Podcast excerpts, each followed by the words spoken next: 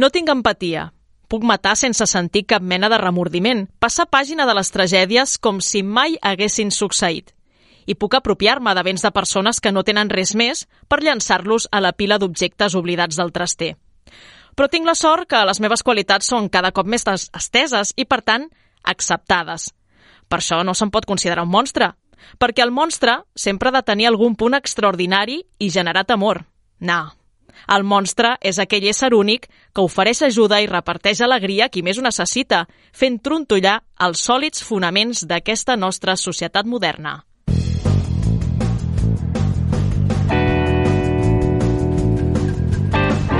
Quimèric, amb Karen Madrid.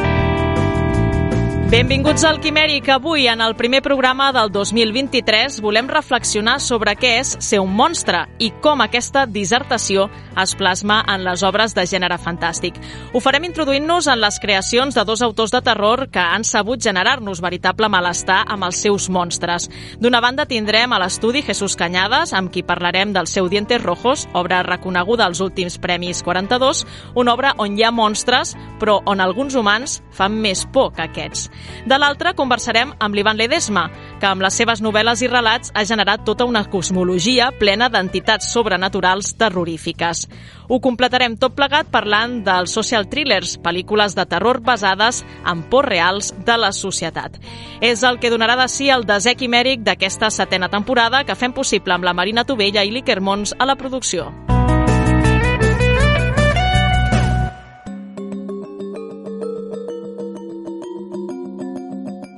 Especial Quimèric.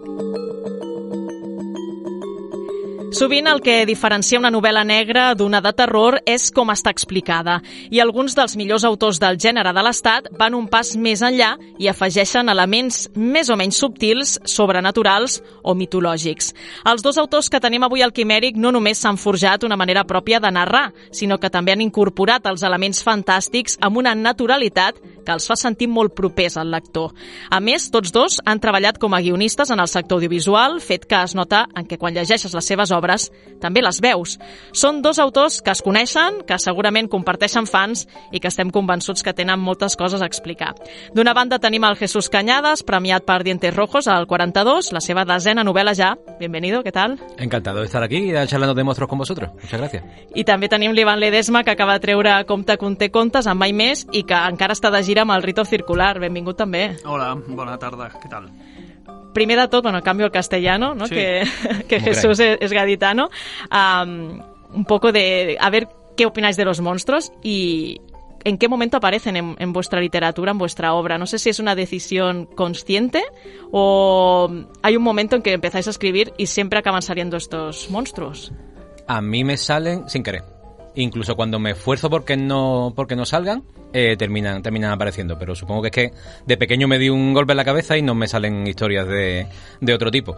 Eh, hace unos años intenté, intenté y conseguí hacer una, una saga de novelas juveniles que no iba a tener elementos fantásticos y en la que no iba a haber monstruos y cuando llevaba 80 páginas en una en una escena en concreta apareció el elemento fantástico en forma de monstruo. Y dije otra vez escribiéndolo dije uy eché así las manos para atrás y dije pero esto qué y dije bueno vamos a ir, vamos a investigar hacia dónde va esto y, y es que necesito que pasen que pasen este tipo de cosas necesito que haya que haya que haya monstruos yo siempre lo achaco a que el primer libro que me leí en mi vida es el pequeño vampiro que fue un es un libro de Anna Sonnenbondenburg de un niño que vive aventuras con, con, un, con un vampiro.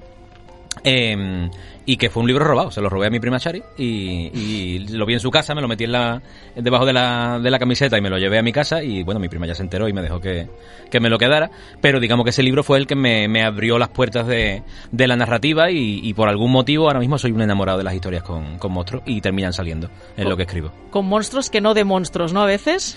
Con monstruos, pero los, los verdaderos hijos de la gran China, digamos, son, son las personas, sí, sí. Eso pasa siempre en, mi, en mis novelas comparto con él el, el tema del, del, pequeño vampiro, que esto se, lo hemos hablado alguna mm. vez, que, que, es uno de los primeros libros que leí y realmente tiene un trasfondo que era terrorífico, porque siempre estabas pensando, esta familia tan amable y estas aventuras tan chulas, al final se lo van a comer se al lo protagonista. Querían comer. Se lo querían comer. sí, sí. O sea, tú estabas sufriendo por el protagonista, porque en todo momento la familia del pequeño vampiro va diciendo, jeje, aquí traes a tu amigo humano, estupendo va a ser el primer plato de la cena.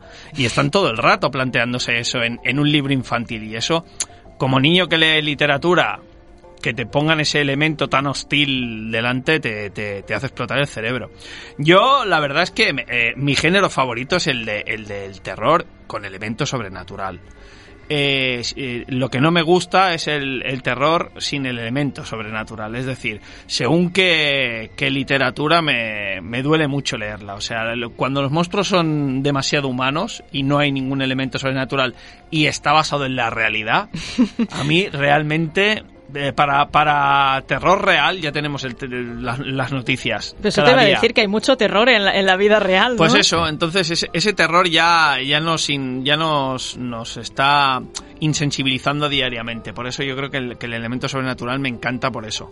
Porque te, te genera una, una, coraza para tu día a día, pero aparte, aparte, pues tienes el elemento al que agarrarte diciendo, bueno, pero esto no es real porque tiene un elemento sobrenatural. Y porque es un juego, tío, sí. porque es un juego, porque la gente que escribimos, los escritores y escritoras, tenemos que divertirnos escribiendo. Si no te diviertes, difícilmente va a disfrutar el lector y la lectora con, con, tu, con tus historias. Y por algún motivo, a nosotros nos encantan las historias con monstruos, nos encanta divertirnos con escribiendo historias, historias de monstruos. Pero claro, los monstruos tienen continuidad, sobre todo en la obra de Iván, ¿no? Que van apareciendo y se va tirando del hilo y ves que, que están ahí siempre. ¿Es porque os quedaba la sensación de que había mucho más que contar, que realmente esos monstruos tenían una segunda vida, una tercera vida que aún no habíais explotado yo, del todo? Yo no sé, Jesús, yo tengo una manía al escribir que es horrorosa y que lo reconozco siempre y yo creo que es por el método absurdo que tiene cada uno en su cabeza cuando se pone a, a escribir un libro que yo cuando lo termino no, no, lo termino, sino que lo abandono, ¿no? O sea, llega un momento que digo, bueno, ya está, o sea, ya está, le pongo fin aquí, ya está,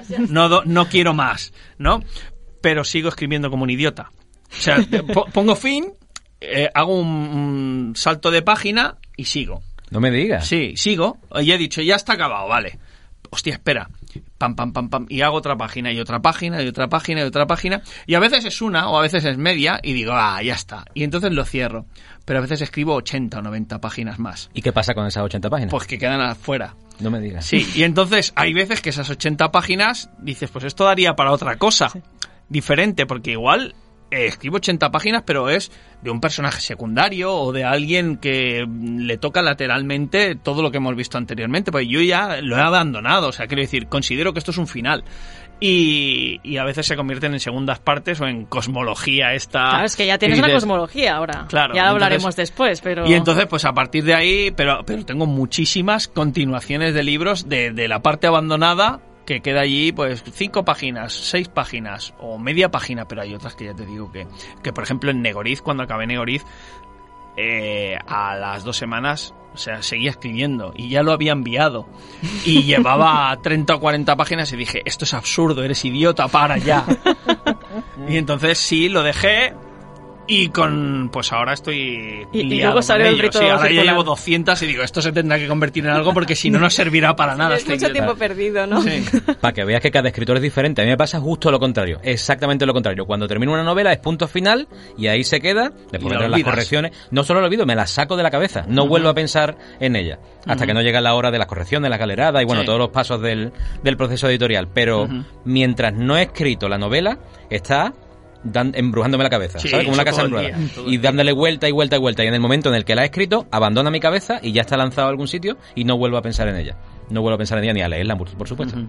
¿sabes? ¿No la vuelves a leer? No la vuelvo a leer. Yo la vuelvo a leer cuando está en papel ya. Sí. Eh, alguna, hay otras que no, ¿eh? pero, pero algunas sí, cuando está en papel, sobre todo si voy a escribir algo que tenga que ver, sí. porque como lo he olvidado completamente, digo, no quiero pifiarla yo mismo con mis propias historias. Entonces me la, me la vuelvo a refrescar. Si es no, casi no. un exorcismo, ¿no? Sí. Te, te, la has sacado, sí, sí, sí bueno, te, te, has extraído, te has extraído, te has desposeído, ¿no? Sí, de, la, de, la, idea de la novela. Sí, sí, absolutamente. ¿eh? O sea, la, la, como él la olvido completamente, pero cuando la pero abandono vuelves. definitivamente. Y siempre acabas volviendo, ¿no? Sí, sí voy a hacer algo que tenga que ver con eso. Porque luego digo, hay cosas de las que estoy absolutamente convencido de no, no, este personaje tal cual y luego estoy escribiendo y digo, estoy dudando sobre esto. Y voy a mirar el libro y digo, no. O sea, me he engañado a mí mismo. No recuerdo ni mi propia obra. Y entonces tengo que modificar Maravilloso. cosas. Sí. Esto pasa bastante también. ¿Y por qué creéis que los lectores nos gustan los monstruos? ¿Qué es lo que nos gusta del monstruo? Vosotros, como cuando sois lectores, ¿qué es lo que os gusta de esta figura? del monstruo en sí, el, el concepto monstruo. Claro. Si es sobrenatural, si es sobrenatural, a mí me gusta eh, su génesis, o sea, su, su, su cómo se la concepción del monstruo, de dónde sale, si es en el, en el elemento fuera de, de la naturaleza humana. ¿eh? Si estamos hablando de un asesino en serie, pues ya es otro hándicap, pues es una, comple- una cosa completamente distinta. Pero el elemento sobrenatural, la, inver- la invención del monstruo y su origen y, y cómo ha llegado a convertirse en eso, eso a mí me, me encanta ver de dónde ha salido, por qué hace estas cosas. Yo tengo una pequeña teoría. A ver. que os voy a aburrir ahora soltándola. A mí me parece que el terror y el terror con monstruos y el terror sobrenatural es un gusto adquirido. ¿Vale? Es como Sí. el como el Rioja o como el Cabrales, ¿vale? Cuando eres pequeño no te Café. gusta o bueno, como el café, exactamente, como el café solo mm, fuerte. Es una cosa que tú mm, poquito a poquito vas adquiriendo el gusto y vas a- empezando a apreciar. No es una cosa que te dé tanto miedo como que eh, aprecies los mecanismos con los que funciona, lo que lo que menciona Iván de cómo se crea, cómo se desarrolla, cómo llega a ser cómo llega a ser quien es. Por eso los fans de este género eh, y la gente a la que le gusta la- las historias con, con monstruos no pasan miedo viendo viendo una novela o viendo leyendo una novela o viendo una ficción cualquiera sobre monstruos. Es más fácil que un fan sonría apreciando los mecanismos de cómo te ha ido el autor o la autora colocando las piezas que tú ya tienes en tu cabeza cómo, cómo funcionan. Esa es mi teoría, que en realidad es una cosa que tú disfrutas, es un disfrute más que una más que un- una ficción destinada a, a darte miedo. ¿Pero tú crees que estamos ya anestesiados ante, ante el terror? Los que consumimos mucho terror. Anestesiado, Ah, en, el, anestesiado en el sentido de que ya no te genera terror nada. es una palabra bonita para decir que tenemos el culo pelado de, Sí. de- de- sí, de- leer historias O sea, y de tú- consumir historias de, de monstruos. A claro. mí me pasa, ¿no? Con las películas de terror que la- las veo con mi mujer y claro, yo veo lo- los engranajes de la película, suelo... Pero No. funcionan, ¿no? Sí, el funcionan, pero, pero, dices, pero "Ostras, el, tema, guay". el tema no, no es tanto que funcione o, o- o verle el, el cartón, el yautó. O sea, la estás viendo y vas diciendo, bueno, ahora viene el giro, viene el jumpscare o viene el no sé qué, el subidón de música, eh, le doy 30 segundos. Claro, hay veces Bueno, que yo que- soy tan imbécil que lo digo en voz alta y mi mujer dice, ¿me quieres dejar de joder Pero mira, la yo cuando película?". vi Expediente Warren me pasó Sí. esto, pero sufrí igualmente con la peli. Decía, ahora se verá el cuerpo colgado, ¡pam! Cuerpo, cuerpo colgado, ahora se verá en el lago, ¡pam! El lago. Pero aún así, si está bien hecho, lo disfrutas igual. Sí, y no, te sientes un poco supuesto. también como un listillo, ¿no? Decir, Sí. mira, me sé todos los siempre. tropos ya, ¿no? Exactamente. Pero sigue habiendo cosas que te, que te asusten. Yo te diré que paso miedo con todo. Porque soy un cagueta de manual. Soy un cagueta hasta la médula. Todo, todo absolutamente me da miedo. La última película ya, ¿eh? que me ha dado muchísimo miedo se llama eh, Maleficio, creo en español. Eh, Eh, Incantation, que está en, en Netflix, es una película taiwanesa, me parece. Ah. Eh, y me pasé toda la película hablando. Mi pareja la estaba viendo conmigo y me decía, ¿te quieres callar eso? Pero es que estaba tan asustado, estaba tan cagado, con perdón. Como cuando estás en un Ah, sitio de miedo no. y necesitas Ma- eh, hablar para escuchar no, no, algo. Maleficio, no, tú, Maleficio. tú- tú dices Maligno, Maligno, la de James Wan. sí, Esa me sí. gusta mucho y me dio un poquito de miedo. Eh, pero... qué, qué grande. Mira, hablando de tropos, está en el tercer acto cuando gira de. Estábamos viendo una peli de terror y de repente se convierte en Terminator. Sí. No la he Y, visto. Eh, Pues, se convierte en apúntala. acción. se Aún convierte no la he visto. Es verdad. ¿Eh? Qué grande. O sea, a mí esos giros, eso del tercer acto, vamos a cambiar. Ya no es una peli de terror. ¿Esperabas el duelo íntimo entre el protagonista y el antagonista? Pues Pues no, otra cosa distinta. Bueno, pero eso es un fenómeno que pasa mucho en el cine de terror últimamente, ¿no? La accionización del género, que no sea tanto terror puro, sino que se mezcle con algo que tenga que darle un poquillo de vidilla y un poquillo de, de adrenalina a los espectadores y que, bueno, mm, se puede Está disfrutar bien, igualmente. bien, sí. Se puede disfrutar. Vamos a entrar en vuestras obras. Empezamos por, por Jesús. Am, Dientes Rojos, le- la he leído con la excusa del 42, ¿no? Decir, ostras, tengo que leer los ganadores en castellano, ya que he estado jurado de, en catalán. Voy a ponerme al día. Muchas gracias. Y uno de los puntos fuertes que le encontré fue la presentación del protagonista. O sea, es una escena muy potente, muy larga, ¿no? Para ser una primera escena, pero que aporta muchísima información. ¿Querías avisar a- al lector de, de las expectativas que, que podía tener y de cómo se las ibas a romper? Porque, claro, tú, im- la primera imagen, no quiero hacer spoilers, pero te imaginas el personaje de una determinada manera y luego vas viendo que se van rompiendo todos los esquemas. Lo que pasa es que eso pasa con toda la ficción. mm, No me voy a echar flores, bueno, me va a permitir que me eche flores. Con toda la ficción buena, entre comillas, nosotros intentamos que nuestra ficción sea buena. Que tú lo que haces es presentar las la- tanto los personajes como las situaciones de una manera y después revelarle otra cara, ¿sabes? De lo de caedro al, al, al, Sor- especta- al sorprender. lector. Claro, para que Ah, no. pero es para- que lo hacen en una única escena, ¿eh? Intento hacerlo en una escena, sí. Esa escena, además, la viví yo. Me pasó a mí. Me pasó a mí, si quieres la cuento. ¿Quién eras? Cosa, ¿eh? Que yo era, yo era el tío. Yo era el tío, me pasó. Sí, ¿de me verdad? pasó, me pasó, me pasó.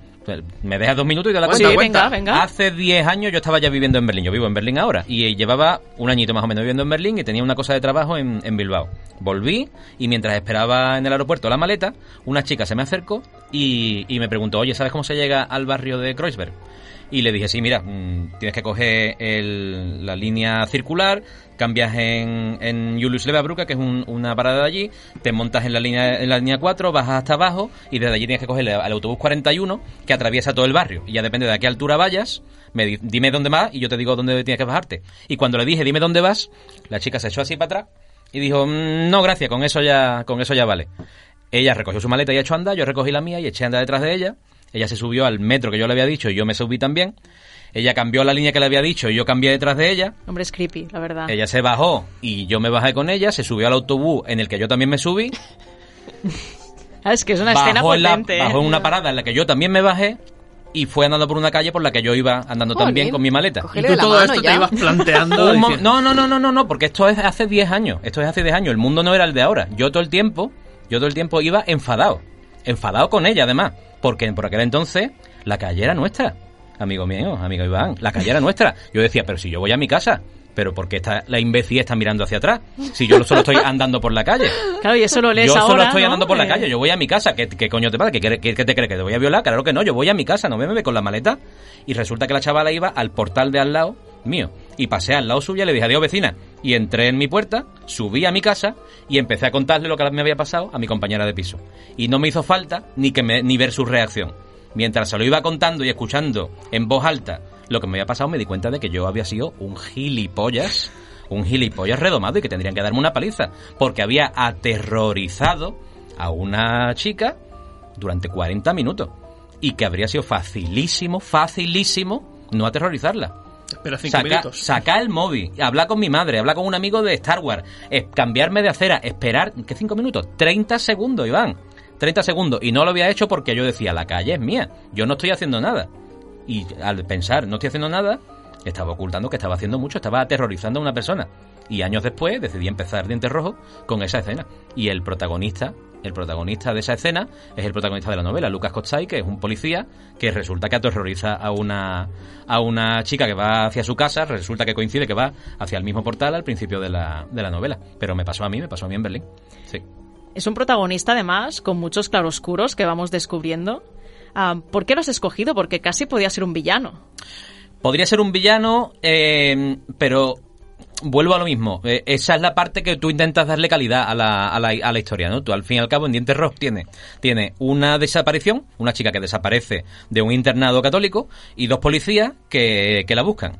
Y uno de los policías es Kotsay, es este, este que protagoniza esta especie de persecución. Al principio que parece un tipo sensible, un tipo que es muy consciente del mundo en el que vive, un tipo que intenta ser el mejor policía posible, y otro, que es Otto Ritter, que es un policía machista, racista, violento, todos los istas que, quiera, que quieras ponerle, y que a medida que avanza la novela, te das cuenta de que ni, ni, que, ni Kotsay es tan bueno como parece, ni, ni Ritter es tan malo como parece, ni Rebeca, la chica que ha desaparecido, es como parece. Y eso es lo que tú intentas, darle otra capita que se va, que se va averiguando a medida que avanza, que avanza la novela. ¿Por qué lo he elegido así? Bueno, porque me parecía una buena historia, sobre todo porque, me- porque no había leído algo, algo parecido. Y eso es uno, uno de los motores que tenemos los que escribimos, ¿no? De decir, Hacer bueno, algo distinto. yo quiero hacer un- este tipo de, de historia, es la que yo querría leer. ¿Sabes? Exacto. Después, después pasa, pasa las de Caín, después tiene que darle muchísima vuelta al coco para que Para que salga, cuadre, para ¿no? que salga También. bien, para que salga bien. Pues Claro, hay que darle mucha vuelta al chícharo, pero, pero mientras la decisión que hay detrás es voy a hacer esto porque o, o, he- o lo he leído en algún sitio y me ha parecido de puta madre, con perdón, y quiero intentar hacerlo, o no lo he leído en ningún sitio, voy a ver si puedo. ¿Sabes? Si me sale. Tú has dicho que, lo has explicado, ¿no? Que empieza como una novela negra, de manual, y tarda bastante en cambiar. O sea, creo que un- podría cualquier persona ah, empezar este libro como si fuera una novela de policías y, y hacia pasada la mitad es cuando empieza a cambiar. ¿Cómo fue la construcción de la novela? O sea, ¿realmente ese elemento sobrenatural estaba desde el principio? ¿Apareció después? En esta en concreto estaba desde el principio. Esto es una cosa que, que es casi como el, como esta alegoría de la rana y el agua caliente, ¿no? Eh, tú metes una rana en agua hirviendo y la rana salta porque el agua está hirviendo, pero si la metes en agua fría y poquito a poquito va subiendo el, el fuego, la rana no se da cuenta de que está, de que está subiendo el fuego y termina cocida cuando, cuando hierve el agua. Y eso es lo que yo intento hacer con los lectores y las lectoras. Hay una trama base que es de un género no fantástico y poquito a poquito se va introduciendo el género fantástico, se va introduciendo el género fantástico hasta que explota. Hasta que explota y se convierte en lo que un amigo mío dice que es una fiesta friki. Que es lo que pasa Sí. al final de todos mis libros. Se vuelve muy friki. Lo sí. intenté con, con Las tres muertes de Femil Salvochea, mi anterior novela eh, para adultos que, que va sobre vampiros, pero empieza como una novela histórica y de aventura, y poquito a poquito iba entrando la parte, la parte sobrenatural. En esta lo he hecho también, y en la siguiente, la que estoy escribiendo ahora, también, también lo he hecho porque me gusta mucho el, el- el recurso y me parece que tiene mucho potencial, y a veces te equivocas, claro, hay veces que la gente dice, pero si yo estaba leyendo una novela histórica, ¿qué coño hace aquí ahora un vampiro? O si yo estaba leyendo una novela policíaca, ¿cómo me, mete, me metes esto? Y hay gente que tira el libro por la ventana. Eso te iba a preguntar si la gente se quedaba o no. las dos, las dos, las dos cosas. Hay gente que dice, mira, claro, yo intento que el, ancla sean los personajes. Que tú digas, mira, me gusta tanto o me repele tanto Costai o Ritter que quiero saber qué les va a pasar. Quiero enterarme de qué pasa con Rebeca, de dónde se ha metido esta chica que ha desaparecido. Eh, y entonces, llévame donde sea. Pero es una apuesta que tú haces muy fuerte, porque puedes perder a, a lectores y lectoras. Pero yo creo que vale la pena. Porque sobre todo es que me gusta a mí. Si a mí no me gusta, ¿sabes? Eh, ten porque seguro que no le va a gustar al lector. Tiene que gustarme a mí después ya que sintonices o no con, con un lector o una lectora en concreto. También me ha parecido que es una obra como una especie de alegato a las personas más vulnerables, porque aparecen inmigrantes, refugiados, te centras mucho en las mujeres maltratadas también. Querías demostrar también, no sé, que, que hace falta a veces ver el colectivo, los colectivos vulnerables desde otro prisma, porque, claro, tienes diferentes visiones de tus personajes sobre el mismo colectivo y acabas haciendo una reflexión de, usted soy un poco gilipollas, ¿no? Cuando creía que no, ¿no? Bueno, pero eso pasa a todo el mundo, ¿no? Todos somos más de derecha, todos somos más machistas, más, racistas y más homófobos de lo que de lo que pensamos y eso es lo que pasa con estos personajes que tú al principio crees que el que es muy malo es malísimo y al final parece que no es tan malo, que tiene una parte una parte humana. Hay una parte que le gusta mucho a los lectores en una escena en concreto que no te voy a decir cuál es, pero que hablando de Ritter, de este, de este policía tan, tan horrible en un primer momento, una de ellas, una de los, de los, personajes dice, es una mala persona, y otra responde, no, es una persona. Las personas tenemos partes buenas y partes malas, todas. No hay nadie químicamente bueno ni químicamente, ni químicamente malo. Y eso se aborda en la novela con un montón de temas que son muy de, muy candentes en, en, el Berlín en el que yo vivo. El racismo está a la orden del día. Yo como persona racializada, porque lo soy, porque soy una persona de color en Berlín, y solo hay que ver a un alemán para saber lo que es una persona blanca, y nosotros, los que estamos aquí, no somos blancos, quitadoslo de la cabeza, eh, sufro microracismos micro todos los días. Todos los días en el trato con, con, la gente de allí. Y eso es una cosa que se, que se vive. Y los macroracismos los he presenciado. Los he presenciado. ¿Sabes? Entonces una, era una cosa que me apetecía que me apetecía abordar en la, en la novela, ¿sabes? Dentro de una trama de thriller con tintes fantásticos que termina siendo una fiesta friki. Porque es lo que me gusta, porque si no me aburro, ¿qué quiere que te diga? Si no me aburro, Karen. Pero, pero hay un tono de, de, fondo que es como de desesperanza. Um, no sé si yo me llego a preguntar, digo, ¿este escritor ha perdido la fe en la humanidad? ¿O es todo lo contrario? ¿Es un necesito demostrar esa desesperanza para, para apuntar que, que pueda haber un pequeño hilo de esperanza en otro sitio? Un autor catalán que me gusta mucho, que se llama Mar Pastor, se leyó la novela y me dijo, el final es siniestramente positivo. No, siniestramente optimista, me dijo.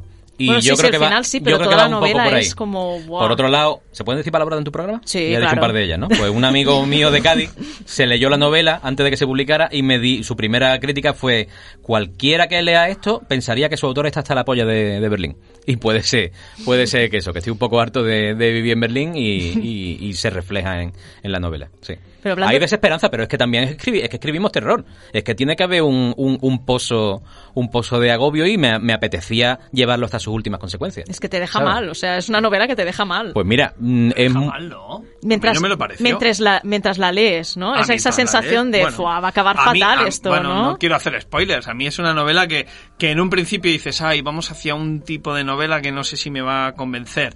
Y de repente eh, hace un giro, hay un quiebro y dices, anda, esto me está gustando más. Y estos personajes que yo pensaba que no, Iván. eh, resulta que sí. Y este personaje que yo pensaba, ay, este va a acabar muy mal, resulta que no. Y este que. Y entonces esas cosas que, que te convencen de las novelas, en el sentido de que te sorprenda, que dices, yo, mis apuestas son esta, esta y esta. Si hago cinco apuestas y, y le gano esas apuestas a Jesús cuatro, ya su novela se me iría. Pero en el momento en que solo le gano una o dos, y él he hecho apuestas y veo que me la ha llevado a otra dirección, pues eso digo, hey, esto me está gustando. Es que yo diré Y que no he ganado final- ninguna, ¿eh? y al final, y al final, el final es uno de esos que digo, muy bien. Y en cuanto a lo que decías de la ciudad de Severlin Chung o tal, a mí me parece estupendo porque es como lo, lo que lo, lo hemos, o sea, lo, lo he visto mucho con Barcelona, por ejemplo. Barcelona, la propia Barcelona, intenta exportar esa imagen de la ciudad de Gaudí, la Sagrada Familia, el no sé qué, intenta exportar una imagen súper amable de sí misma en la actualidad y de su historia, ¿vale? Y me parece horroroso. Porque Londres, por ejemplo, no lo hace. Londres te exporta la imagen de Londres, pero también te dice, mira, mi historia negra es esta. Y mi realidad es esta. ¿Sabes? Y soy una ciudad que ahora ha perdido esto, esto y esto. Y mira, aquí tienes todos mis claroscuros y mi zona negra. Y mi historia negra es esta. Mira, aquí tienes Jack el Destripador. Y tienes la peste. Y tienes lo que hacíamos. Y tienes la, quema de brujas. Y tienes... est- Y eso Barcelona siempre te dice, no, Gaudí, la Sagrada Familia. Pero tú dices, la Semana Negra, ¿eso qué es? Eh, las bombas que se ponían en 1912, ¿eh? Enriqueta Martí, ¿lo quién?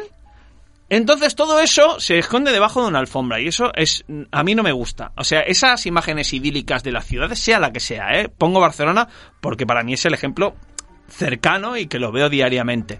Esas imágenes idílicas de las ciudades me, me repugnan terriblemente. Y entonces de Berlín se intenta la capital de Europa, qué bonita es, qué tal.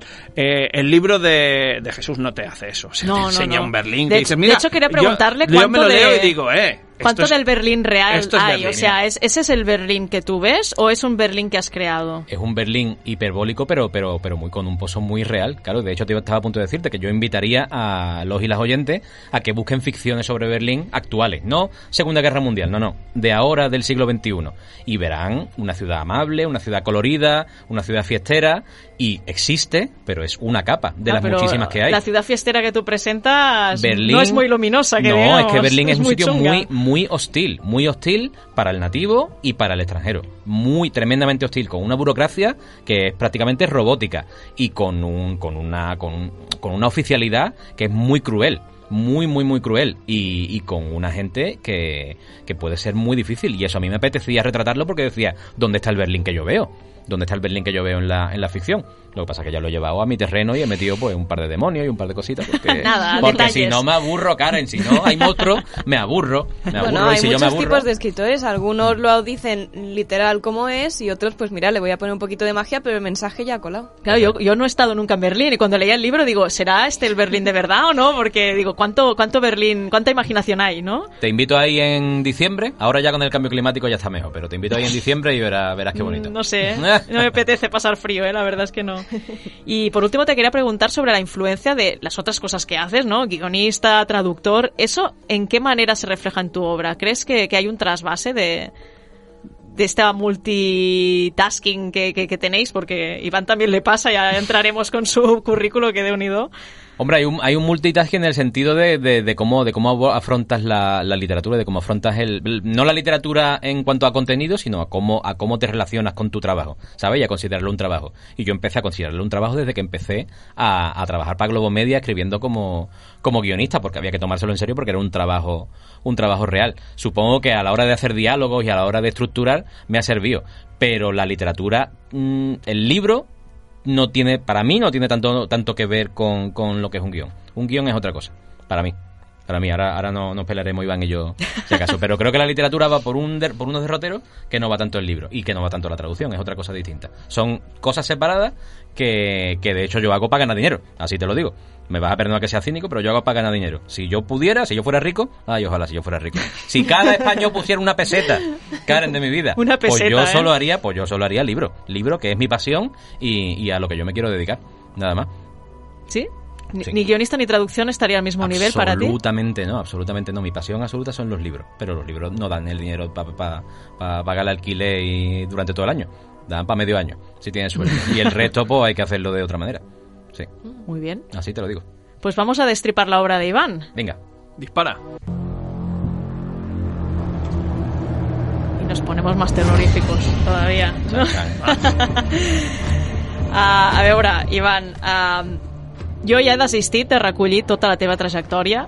O sigui, Per què? He mirat Wikipedia, he mirat les teves webs, les xarxes socials, he perdut el compte de tot el que has arribat a fer i la meva primera pregunta és, tu portes el compte? Saps quants llibres tens? Quantes, Sí, llibres quants sí. grups de música tens? Quanta, Quant tot? O sigui, Home, ho he de pot, pensar, ho he de pensar. ho he de Quantes pensar, pàgines té el però- currículum, no? és que és No, increïble. no, o sigui, no és una faig. bestialitat, eh? O sigui... Mm, Bueno, però, jo què sé, no dormis, com jo, tingues, tingues una època en què, en què et dediques al... O sigui, tens insomni i llavors fas moltes coses. O, jo em dedicava durant, durant 12 anys, vaig, tra vaig treballar de nit als hospitals i llavors em dedicava a treballar en neuropsiquiatria i a part em dedicava a escriure amb les hores en què els companys doncs, eh, hi ha un, una sèrie d'hores durant la nit que, que simplement has d'estar i llavors hi ha gent que es posa a dormir, hi ha gent que es posa a llegir, jo llegia, però també escrivia.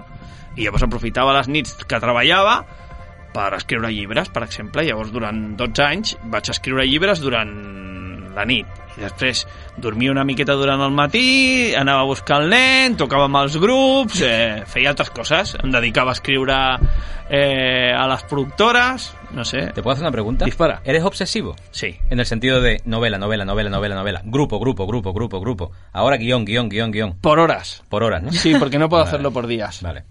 ¿Por qué? Te, te explico. O sea, por ejemplo, productoras, ¿no? Yo trabajo para... Soy, soy autónomo. O sea, realmente todo esto se basa en ser autónomo, que es... Nunca puedes, nunca puedes ponerte enfermo, nunca puedes dejar de trabajar y eres 24-7. Volvemos ¿Qué a los monstruos. Eres autónomo. Eso es. Entonces, es, es como un superhéroe, no? Jamás estoy enfermo i trabajo todos los días de todas les hores, a todo.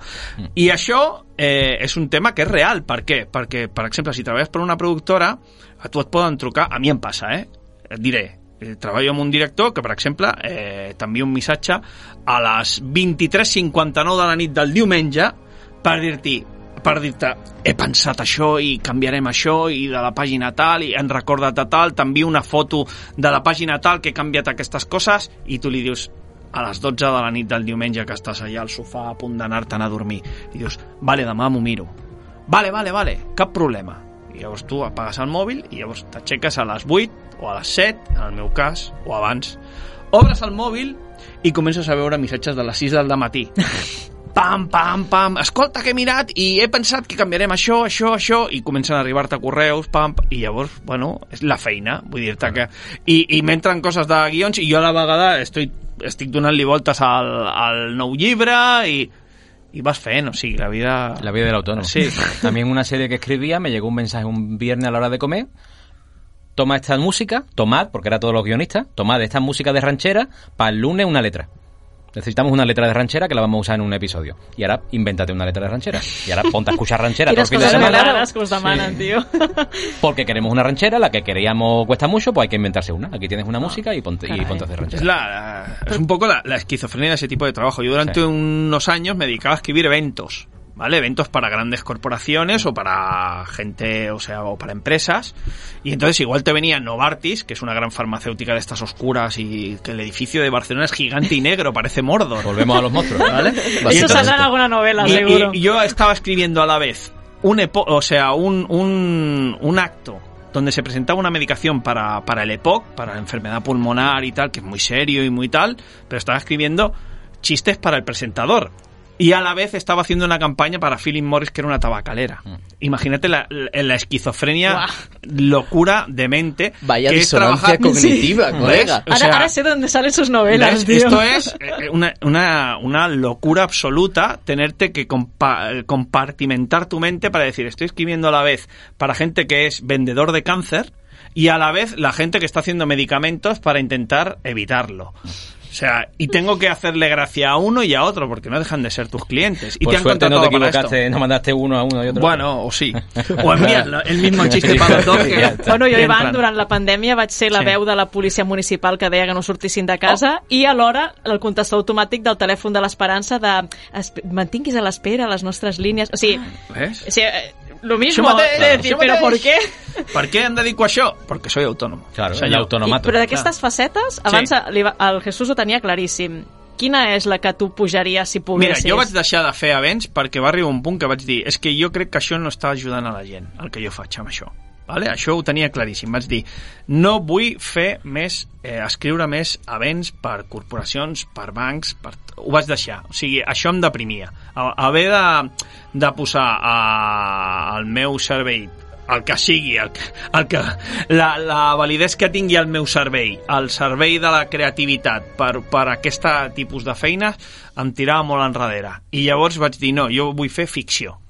Jo només veu... del que sigui, però ficció, perquè la realitat està sobrevalorada. No m'interessa. Ja la veig cada dia i no m'agrada gens. Llavors vaig dir, jo vull fer ficció. I a mi m'encanta, m'encanta, o sigui, ell diu que només llibres, jo llibres i guions, sí. O sigui, a mi un guió d'u- d'una pel·lícula... Són formats completament diferents. I la o música sigui, és ficció també o no? Sí, evidentment. O sigui, però, però llibres i guions i ficció, o sigui, la ficció eh, m'encanta i tiro per aquí, el que sí que són coses completament diferents, en el sentit de que un guió és un mitjà i intervene un munt de gent i llavors el que tu fas no és el que arriba una, a, a, al format definitiu, a la pel·lícula, a la sèrie, al documental, a, al rat-rang de TV3, que vaig escriure alguns capítols per les ratetes aquestes de, de titelles. Eh, el llibre sí, el llibre tu l'escrius i el que arriba al lector amb les seves correccions i eh, els seus canvis de, del que sigui, però el que arriba és el que tu vols que arribi.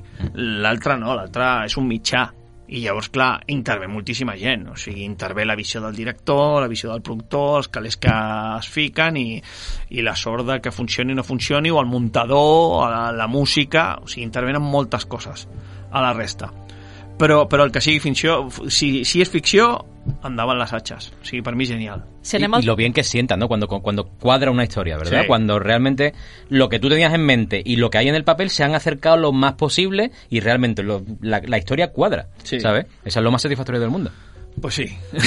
Si anem al teu últim llibre de relats, el Comte Sí. sí. conté contes, Sí. um, quan et llegia, el vaig uh -huh. llegir després del Rito Circular uh -huh. i abans de llegir Negorit. I clar, vaig tenir la sensació aquesta de continuïtat de les obres Ahà. i, i també vaig pensar, l'Ivan aquí ha fet una tria de relats perquè la gent que no el coneix llegeixi això i després es reenganxa a la resta? O sigui, com has fet tu aquesta tria? És una tria no teva? Fet, no l'he fet, no l'he fet jo, la va fer el, el Sergio de Maimés. Perquè jo l'únic que vaig fer va ser agafar un munt de relats que tenia, no tots, vaig agafar els que considerava que, que, que podrien entrar per, per estilísticament dintre de l'editorial Maimés i li vaig enviar crec que 20. I llavors ell va fer una tria de 10. O sigui, van quedar fora 10 relats. I em va dir, però m'agradaria llegir alguns més. I llavors vaig agafar i vaig dir, a veure què tinc. I tenia alguns més que no li havia enviat perquè considerava que estilísticament igual no els hi feia el pes, els hi vaig enviar tres o quatre més i un que em va demanar específicament per, per, pel llibre. I, i llavors van, van seleccionar 13 en total. Eh, curiosament, el primer del llibre i eh, l'últim són eh, d'aquests que vaig enviar a posteriori, que un era el primer relat que vaig escriure en ma vida i... Que és molt tendre i molt creepy alhora. Eh, oi? sí. I l'últim i l'últim del llibre va ser l'últim que havia escrit en aquell moment. I llavors és curiós que va ficar el primer i últim, jo no li vaig dir d'on sortien, o sigui, no li vaig dir aquest el vaig escriure en 13 anys i aquest el, el vaig escriure la setmana passada, però curiosament els va, els va ficar en aquest ordre. O sigui, tot el del mig no, eh? Tot el Que és del que mig és com un tastet de tot el que has anat Sí. fent, no? Representa. Sí, però no té a veure amb el... O sigui, no és, no és buscant ni l'ordre ni la selecció, eh? O sigui, ho va, fer, ho va buscar ell i han quedat fora... El que sí que et diré que ha quedat fora tot el que era més realista. O sigui, el que s'allunya una mica de lo sobrenatural normalment ha quedat fora.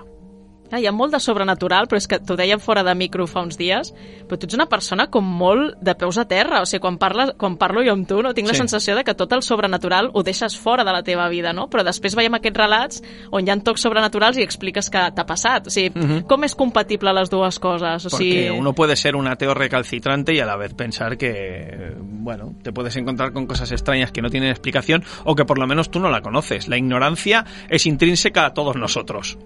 Quiero decir que todo el mundo tiene un- una cantidad de ignorancia sobre todos los temas de la vida. Nadie sabe nada, mm, como te diré yo, con, con contundencia. O sea, todos tenemos dudas razonables sobre todo y aunque tú te puedas posicionar y, y pensarte, pues yo, mira, eh, sobre la religión, sobre eh, el más allá, sobre la muerte, tú puedes tener tus propias teorías o tus propias ideas. Que sean la realidad mm, tangible esas ideas, pues no, hijo mío, todavía no, no se ha llegado a tanto. La ciencia no ha demostrado nada en muchos aspectos. Entonces, clar, però és com que deixes la porta eh, no dejas no? de ser, que seas ateo no deja de ser una fe. ¿De verdad? Una creencia. Es una creencia. O sea, ser ateo no deja de ser Sí, pero una claro, creencia. ah, y puedes tener duda- dudas a- algo razonables. estamos, mira, todos estamos más cerca de creer de lo que pensamos. Sí. Todo. No, no, yo El sí, que ha tenido un gato y lo ha visto sí. maullando una esquina vacía, lo sabe. Sí. Yo también soy ateo convencido y una vez en Roma me pasó paseando por un cementerio que no había nadie y se cayó detrás mío un jarrón y pegué una, un- una carrera como si me persiguiera Satán. Y no pasaba nada, simplemente se cayó un jarrón. Y ya está. Porque estamos mucho más cerca de creer de lo que pensamos. No, però és que Sí. jo crec, però Sí. em sorprèn que l'Ivan que no, veus aquests relats no, que, que diu "Eh, m'ha passat tener un fantasma en casa no? i lo vivimos así no? i penses ostres, Mm. igual és que també Sí. no, aquesta compartimentació que deies abans també afecta en això, no? Hi, Sí. ha, hi ha una part de l'Ivan que sí que, que, sí que Pero, creu, bueno, no? ¿Te puedo hacer otra pregunta? Sí. ¿Tú crees que si creyeses te sería más fácil escribir sobrenatural? Pues yo creo justo lo contrario. Yo, yo No. creo que si yo creyese en estas cosas, si yo creyese que son reales, te, no te- podría. Te coartarías. Sí, porque, porque las tomaría como algo- Sí, porque Claro. a mí me pasa como a ti. Las cosas tipo asesino en serie, cosas así, no me, No. me, no me encajan. Tienen que haber elementos sobrenatural, precisamente porque no creo en ello. A mí ¿sabes? también me pasó eso una vez. Intenté escribir un relato de un sueño que había tenido que me había impactado muchísimo y era de miedo. Y yo soy una persona muy impresionable. Y como también creo un poco en todo lo sobrenatural y tal, es que lo dejé de escribir porque me daba miedo convocarlo. Claro. ¿Sabes? Ah. Una cosa estupidísima. Pero, No, no, te toca. Convocar el, Claro. ¿Sabéis el, libro este que es de que un escritor lo que escribe se hace real? Eh, Oh, terrible. Sangre de tinta o tinta de sangre, no sé. Pues Ambas. la misma Bueno, historia. Cora- me suena- Corazón de tinta. Eso, Corazón de tinta. Corazón eso. de tinta, Pues sí. eso mismo se me quedó en el cerebro. Clar, Ivan, també hem vist que hi ha, uh, sobretot comença a Negorit, però al Rito Circular també ho veiem, aquest tipus d'entitats uh, xungues, no?, que s'alimenten de les males sensacions que provoquen en els humans. Això d'on surt la inspiració? Surt també d'aquest punt paranormal? Surt de, de les persones tòxiques directament i ho, i ho extrapoles a entitats uh, extracorpòries? D'on ve? Perquè m'ha generat molta intriga. això. Una, una mica de tot, eh? eh? A veure, jo crec que és un poti-poti entre Lovecraft, eh, una, una novel·la que, que, bueno, suposo que ens ha influenciat a tot, o com a mínim a mi, que sí, de Stephen King. O sigui, jo quan la vaig llegir tenia 13 anys. Mm. I llavors eh, em va impactar molt el, el concepte de, de, de, de l'entitat, no, no la que surt a les pel·lícules, eh, sinó la que surt al llibre, que és una entitat de cosmogònica, cosmogònica que, que viu de, o sigui, s'alimenta de les pors de la gent. Això em, em, em va afectar en aquella època moltíssim. Després pel·lícules com, per exemple, Malson a Elm Street, Sí, és, és una pel·lícula també, sobretot la primera i la tercera, que a mi em- em- m'encanten, o sigui, em semblen brutals. El concepte dels somnis, tot això. I, I després, per exemple, el meu pare. El meu pare té una col·lecció de llibres increïbles sobre... Eh, a, a part, el meu pare també és molt, molt metòdic i molt, molt tancat en, en els seus gustos i té una obsessió, una de les seves, eh, que són eh, les projeccions extracorpòrees. Mm. I llavors té un munt de llibres sobre el tema, però un munt. Viatges astrals... Viatges astrals, tot, a, tot aquest tema. Llavors, clar, a mi des de petit m'ha interessat el tema perquè de la extensa biblioteca que té el meu pare, un 30, un 40% és sobre aquest tema. I et dic que té centenars de llibres. I llavors, clar, és un tema que ell em parla moltíssim i ha parlat tota la vida. I llavors, eh, xerrant amb ell, els conceptes aquests de- d'entitats que absorbeixen energies siguin bones, siguin dolentes de, de la gent, o sigui, el, el, el concepte de... Les entitats de la... del baix astral, no? Exactament.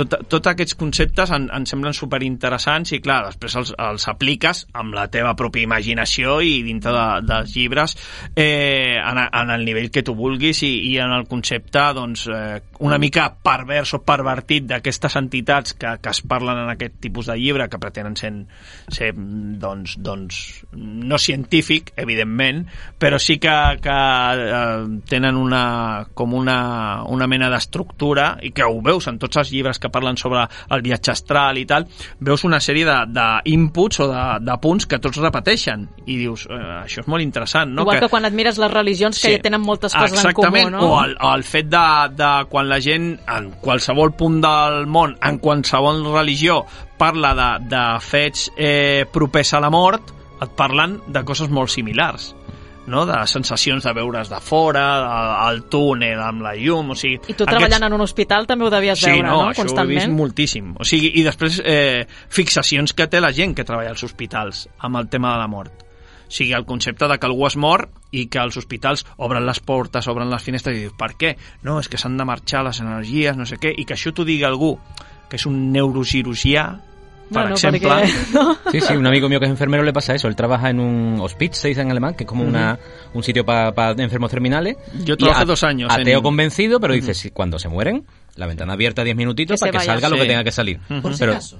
No, te, prometo, te prometo que yo se lo digo, Sí. pero David, si tú no crees, y me dice, no, pero lo, lo que tenga que salir, que salga. Jo sempre recomano el llibre de la, de la Kluber Ross, de, que era una infermera que va parlar sobre el, el procés del dol, de la mort, tot això, i és una persona completament atea i tal, però que explica el, el concepte dels 21 grams, eh, a, o sigui, totes aquestes coses que es repeteixen en, en, en la gent que mor, sigui on sigui, de la religió que sigui, i, i les explica i, bueno, tu les llegeixes i et faràs les teves pròpies idees doncs aquests conceptes són coses que m'han anat quedant com una mena de, de substracte que aplicat amb el meu concepte sobrenatural, amb les coses que d'inventiva pròpia, doncs acaben generant aquest tipus de monstres als meus llibres. No em queda molt temps per entrar a, Mhm. a parlar de Negoriti i del rito circular un a un, però sí que volia dir sobre el rito Sí. circular, perquè a l'audiència no l'he dit, però a mi és un llibre que m'ha encantat, o sigui, Mhm. és dels millors llibres que he llegit en molt de temps. He estat, mentre llegia, no podia dormir, perquè d'una banda el vici que portava, que volia seguir llegint, i de l'altra aquell mal rotllo que aconsegueix generar que, que hi ha com un substrat, que és una cosa com molt subtil i que va creixent, creixent, creixent al llarg de tota la novel·la i, ostres, ho vaig passar fatal i no és una pregunta, és un Gràcies. comentari però, Eh, gràcies, però gràcies, realment, és- és clar, l'inter- és, o sigui, a eh, Negorita bueno. expliques molt més Uh -huh.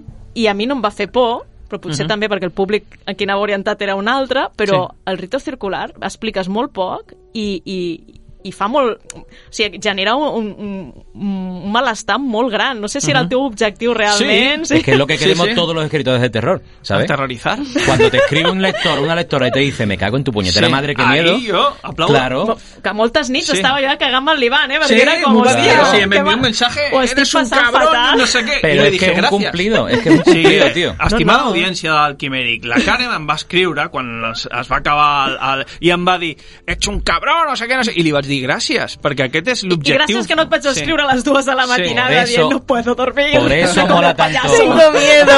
Tía, por eso mola tanto la literatura, por eso enamora tanto la literatura, porque la literatura, lo que a ti te ha pasado al fin y al cabo, es una persona que en el espacio y en el tiempo, ¿sabes? En otro sitio escribió una cosa hace mucho tiempo y Y esa cosa se ha movido, ha llegado a ti y te ha provocado una emoción. ¿Cómo no va a ser eso distinto de L'objectiu, mayas? Sí, es exactamente és, és la eso, es droga maya. que, que ens fa escriure, Saber. perquè, com deia el Jesús, jo, a mi em dona de viure els guions i les pel·lícules que, que, que faig. O sigui, a mi em donen, el, els guions és el que em dona. El, el, els llibres, eh, com ell, em dona per viure uns mesos, però no, Mhm. no em paga la hipoteca. Claro. I llavors, eh, jo això ho faig perquè és, és el vici, és la droga. O sigui, és, eh, per mi... Doncs la droga ens l'has Sí, passat als sí. lectors, Clar, eh? Buenos perquè camellos, ¿no? Pensa una cosa, o sigui, y això yo creo Droga que... de la chunga, además. Él, él estará de acuerdo. Dentro de la bóveda craneal, que nos- todo el mundo se narra su propia historia, o sea, todos tenemos una voz en off en nuestra cabeza, ¿vale? Que, no- que tú cuando te levantas vas pensando, ahora me tomaré un café, ahora no sé qué, voy a, voy a mear, ahora me lavo los dientes, ahora te vas narrando tu propia vida. Pues los escritores tenemos la manía de narrarnos nuestra propia vida y luego estar inventando nosotras, que es un coñazo a Yo veces. venía en porque- tren, en tren para acá y había un momento que me he puesto a hablar solo. Llevaba la mascarilla y mi pareja Sí. que venía conmigo me ha dicho, ¿dónde estás? Cállate. Y le he dicho, estoy en la novela. Y me ha dicho, ah, Qué vale. fuerte. Yo estaba paseando a mi perra con mi mujer y ella me estaba explicando una cosa de nuestro hijo que lo acabamos de dejar en piscina y me ha dicho, luego cogeré la mochila, no sé qué, no sé cuánto, y le doy un beso y le digo, me has solucionado la Claro, trama de, de claro. lo que estoy escribiendo esta tarde". Y me dice, ¿Eso no me verdad? estás prestando ni puto Ni caso. Y le digo, no, si me has Y dicho, tú, no, y le he no, dicho, no sí. escucho. O sea, en, en segundo plano, en segundo plano yo la estaba escuchando y sabía, o sea, le he repetido toda la frase y digo, no, si me has dicho que tal, que luego hay que ir a buscarlo y tal. Y me ha dicho, sí. Digo, no, pero aparte Pero- de eso, yo estaba ahora imaginándome el relato este y tal, tal, tal, y lo he arreglado. Me dice, estupendo, estupendo. Venga, seguimos con lo que estábamos. Y yo, sí, sí, perdona, espera. Ya está, dejo- ya a vuelto, todos. he pongo vuelto. punto y Nos aparte a allí. todos, sí. Y es- entonces, eh, eso es lo que tenemos los escritores o la gente imaginativa en, en general, ¿no? Que tú vives tu vida y te la está narrando tu narrador interno, la voz en off que vive dentro de la bóveda oscura de nuestros cerebros. Y aparte, nos vamos contando historias. Lo que pasa es que esas historias hay gente que simplemente se las cuenta, pues me gustaría, o hay un tío que no sé qué y hace esto, le pasa lo otro, tal. Y lo deja ahí, se pudre, se muere, se olvida, no pasa nada. Y luego hay otros como Jesús y yo, por ejemplo, que, que le estamos dando tantas vueltas que al final dice, esto lo tengo que plasmar en algún sitio, como mínimo para volveré quitármelo loco. Porque, porque si para no lo, quitármelo de la claro, cabeza. porque si no lo Que se escribo calle. seguirá dando Sí. vuelta, Que se orbitando. calle ya. Que se orbitando. calle ya. Sí. El- esa segunda voz que se calle. El, el narrador off-off, o sea, tienes el narrador off que narra nuestra vida, la de cada uno, y luego el off-off, que somos los zumbaos estos que nos dedicamos a escribir. Voy a sacarlo, lo escribo, ala, déjame tranquilo un tiempo. Y ¿no te pasa que cuando acabas de escribir el- un libro, por lo menos, hay un periodo de carestía que dices, hey, se ha callado? Hay silencio. que pueden ser unas horas. Me pasa eso y me pasa que lloro cuando Sí. acabo de escribir. Cuando termino de escribir me pongo Bueno, a mí me da la, la, un- La tristeza, bajona, ¿no? tristeza post-coitum, Sí, ¿no? sí, eso es. Que también de cara a gente que no sea escritora, tiene que ser muy curioso esto que estáis explicando, porque entiendo que la gente que no, no se le mueve todo esto, a lo mejor en su cerebro están tranquilos. Y en cambio, no el escritor nunca en- está tranquilo. O sea, yo no me puedo imaginar que nadie no narre nada en su cerebro. Yo como vivo no dentro, narrar, pero idea. Imaginar más allá. Que haya más silencio, ¿no? Sí, ¿no? Que solo lo te sé. narras el día a día. Me Exacto. levanto, me tomo un café. No, ¿No? todo el mundo tiene cierta imaginación, aunque sea para las cosas más burdas de luego me quiero ir a comerme una hamburguesa a la Mira, una cosa que yo siempre digo, que yo siempre digo en las charlas de que, que doy en los coles, es que por fuera un escritor es un idiota en pijama con, con manchas de café y miguitas de pan en los pantalones, pero por dentro estás volando o te están persiguiendo los nazis por un museo a tiro con un coche o estás eh, creando magia, ¿sabes? Y entonces eh, lo- eso lo convierte en el trabajo más bonito del mundo, para mí. Per Saps? nosaltres també ho seria, oi? Y aparte tienes el cerebro podrido. Y tienes el cerebro podrido. Bueno, però detalls, no? Y un Eh, principio de esquizofrenia. Sí, Sí, ¿verdad? Bueno, no, pero Mejor mira, no te voy a decir una cosa. Yo que he trabajado mucho tiempo en neuropsiquiatría, todos, ¿Qué me vas a decir? todos, Claro. todos, todos, absolutamente todos tenemos eh, un principio de, de lo que sea.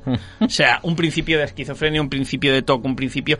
Y, y- y es como un, como un barómetro, ¿no? Tú tienes un indicador que a- hasta la mitad dices, eres- eh, estás integrado en la sociedad y puedes Es camuflarte en, en ella, eres dentro de la sociedad puedes operar, aunque tengas todos estos principios de locura.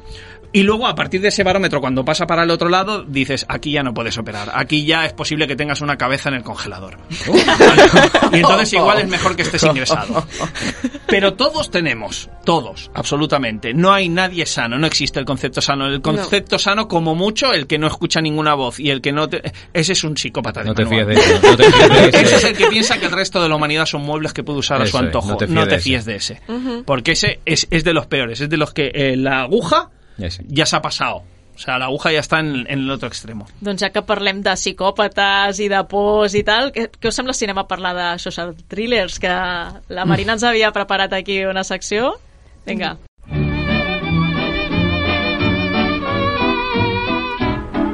Veure, Marina, el concepte aquest dels social thrillers, què és exactament? O sigui, què entra en aquesta categoria? Doncs mira, els social thrillers parlen de pel·lícules de terror normals i corrent. La diferència és que els temes que es tracten no són ni pallassos, ni, jo que sé, la mort, assassins... No. Es tracten temes que són pors reals que existeixen a la societat, però a nivell social, ja sigui el racisme, el masclisme, l'homofòbia, o sigui, el poca, la por que pot tenir una persona negra de que li peguin pel carrer per X cosa concreta, tot això és el que engloba els social thrillers. Mm. Vale. I ara en cinema sembla que està bastant de moda, oi?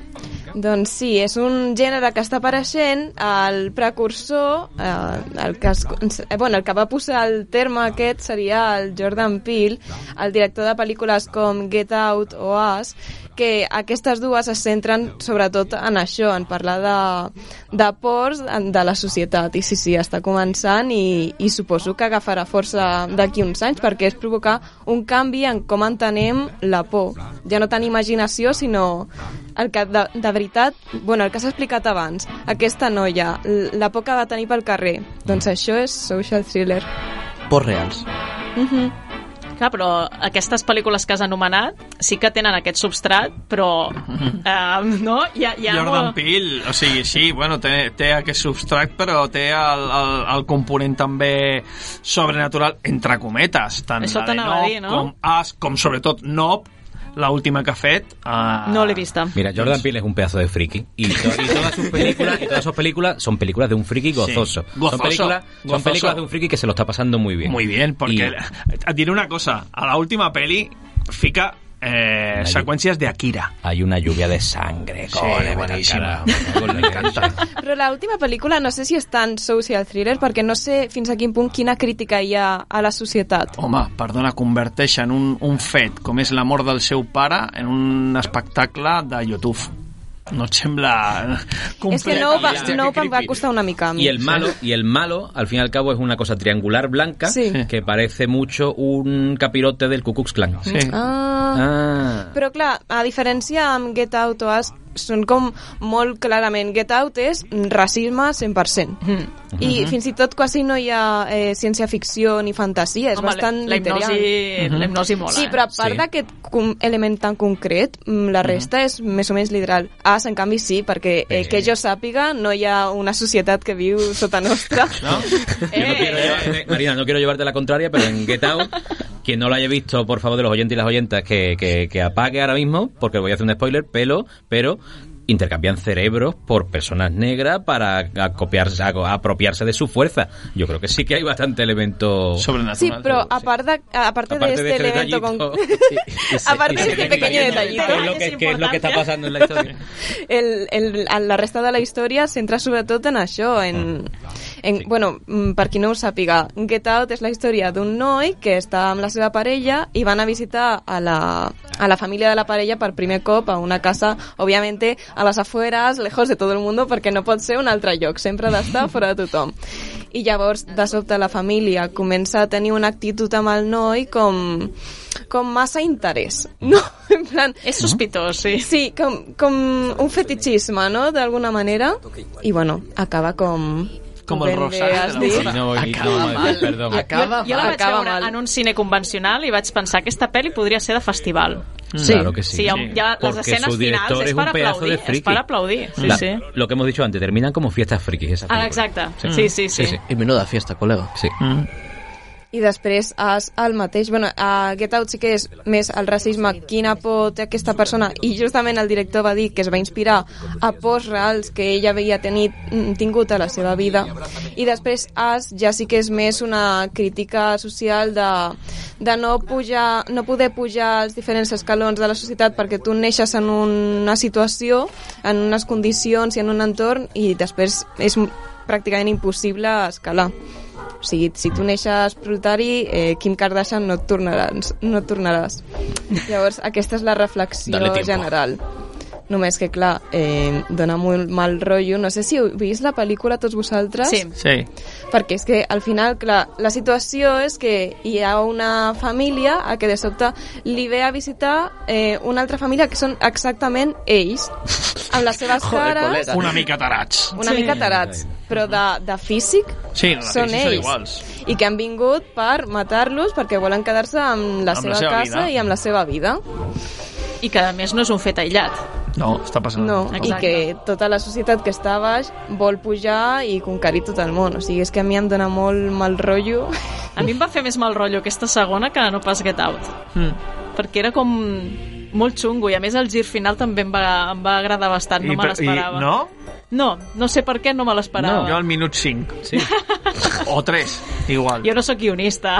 Bueno, però no crec que faci falta. Jo La- soy la súper posta crédulo, que me las como todas. todas. Per això. Todas. Ho sento, en aquesta pel·li al minut 3 vaig dir ai, passarà això. M'ho vaig guardar, eh? no ho vaig dir en veu alta perquè si no em mataven.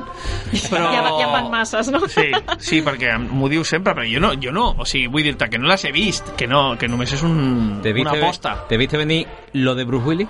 ¿Lo de Bruce Willis a qué te refieres? O lo de Ah, vale, Sentido. lo de Bruce Willis en sexto sentido, eh, no. No, menos mal. En aquel Y se momento no. disfruta, pero ¿no? Cuando, pero cuando la, te vi, la- la vi justo cuando la Pero cuando te la tragas Sí. se disfruta más, Sí, ¿no? sí, claro, claro. Sí, sí. Doncs res, se'ns ha acabat el temps. Hem pogut parlar poc però del tema, però bé, ja, ja intentarem aprofundir en algun altre programa. Gràcies, Jesús, gràcies, Ivan, tu, per vosaltres. passar pel Quimèric i esperem que haver picat la curiositat als oients perquè llegeixin les vostres obres. Muchas gracias, nos vemos la siguiente. Hmm.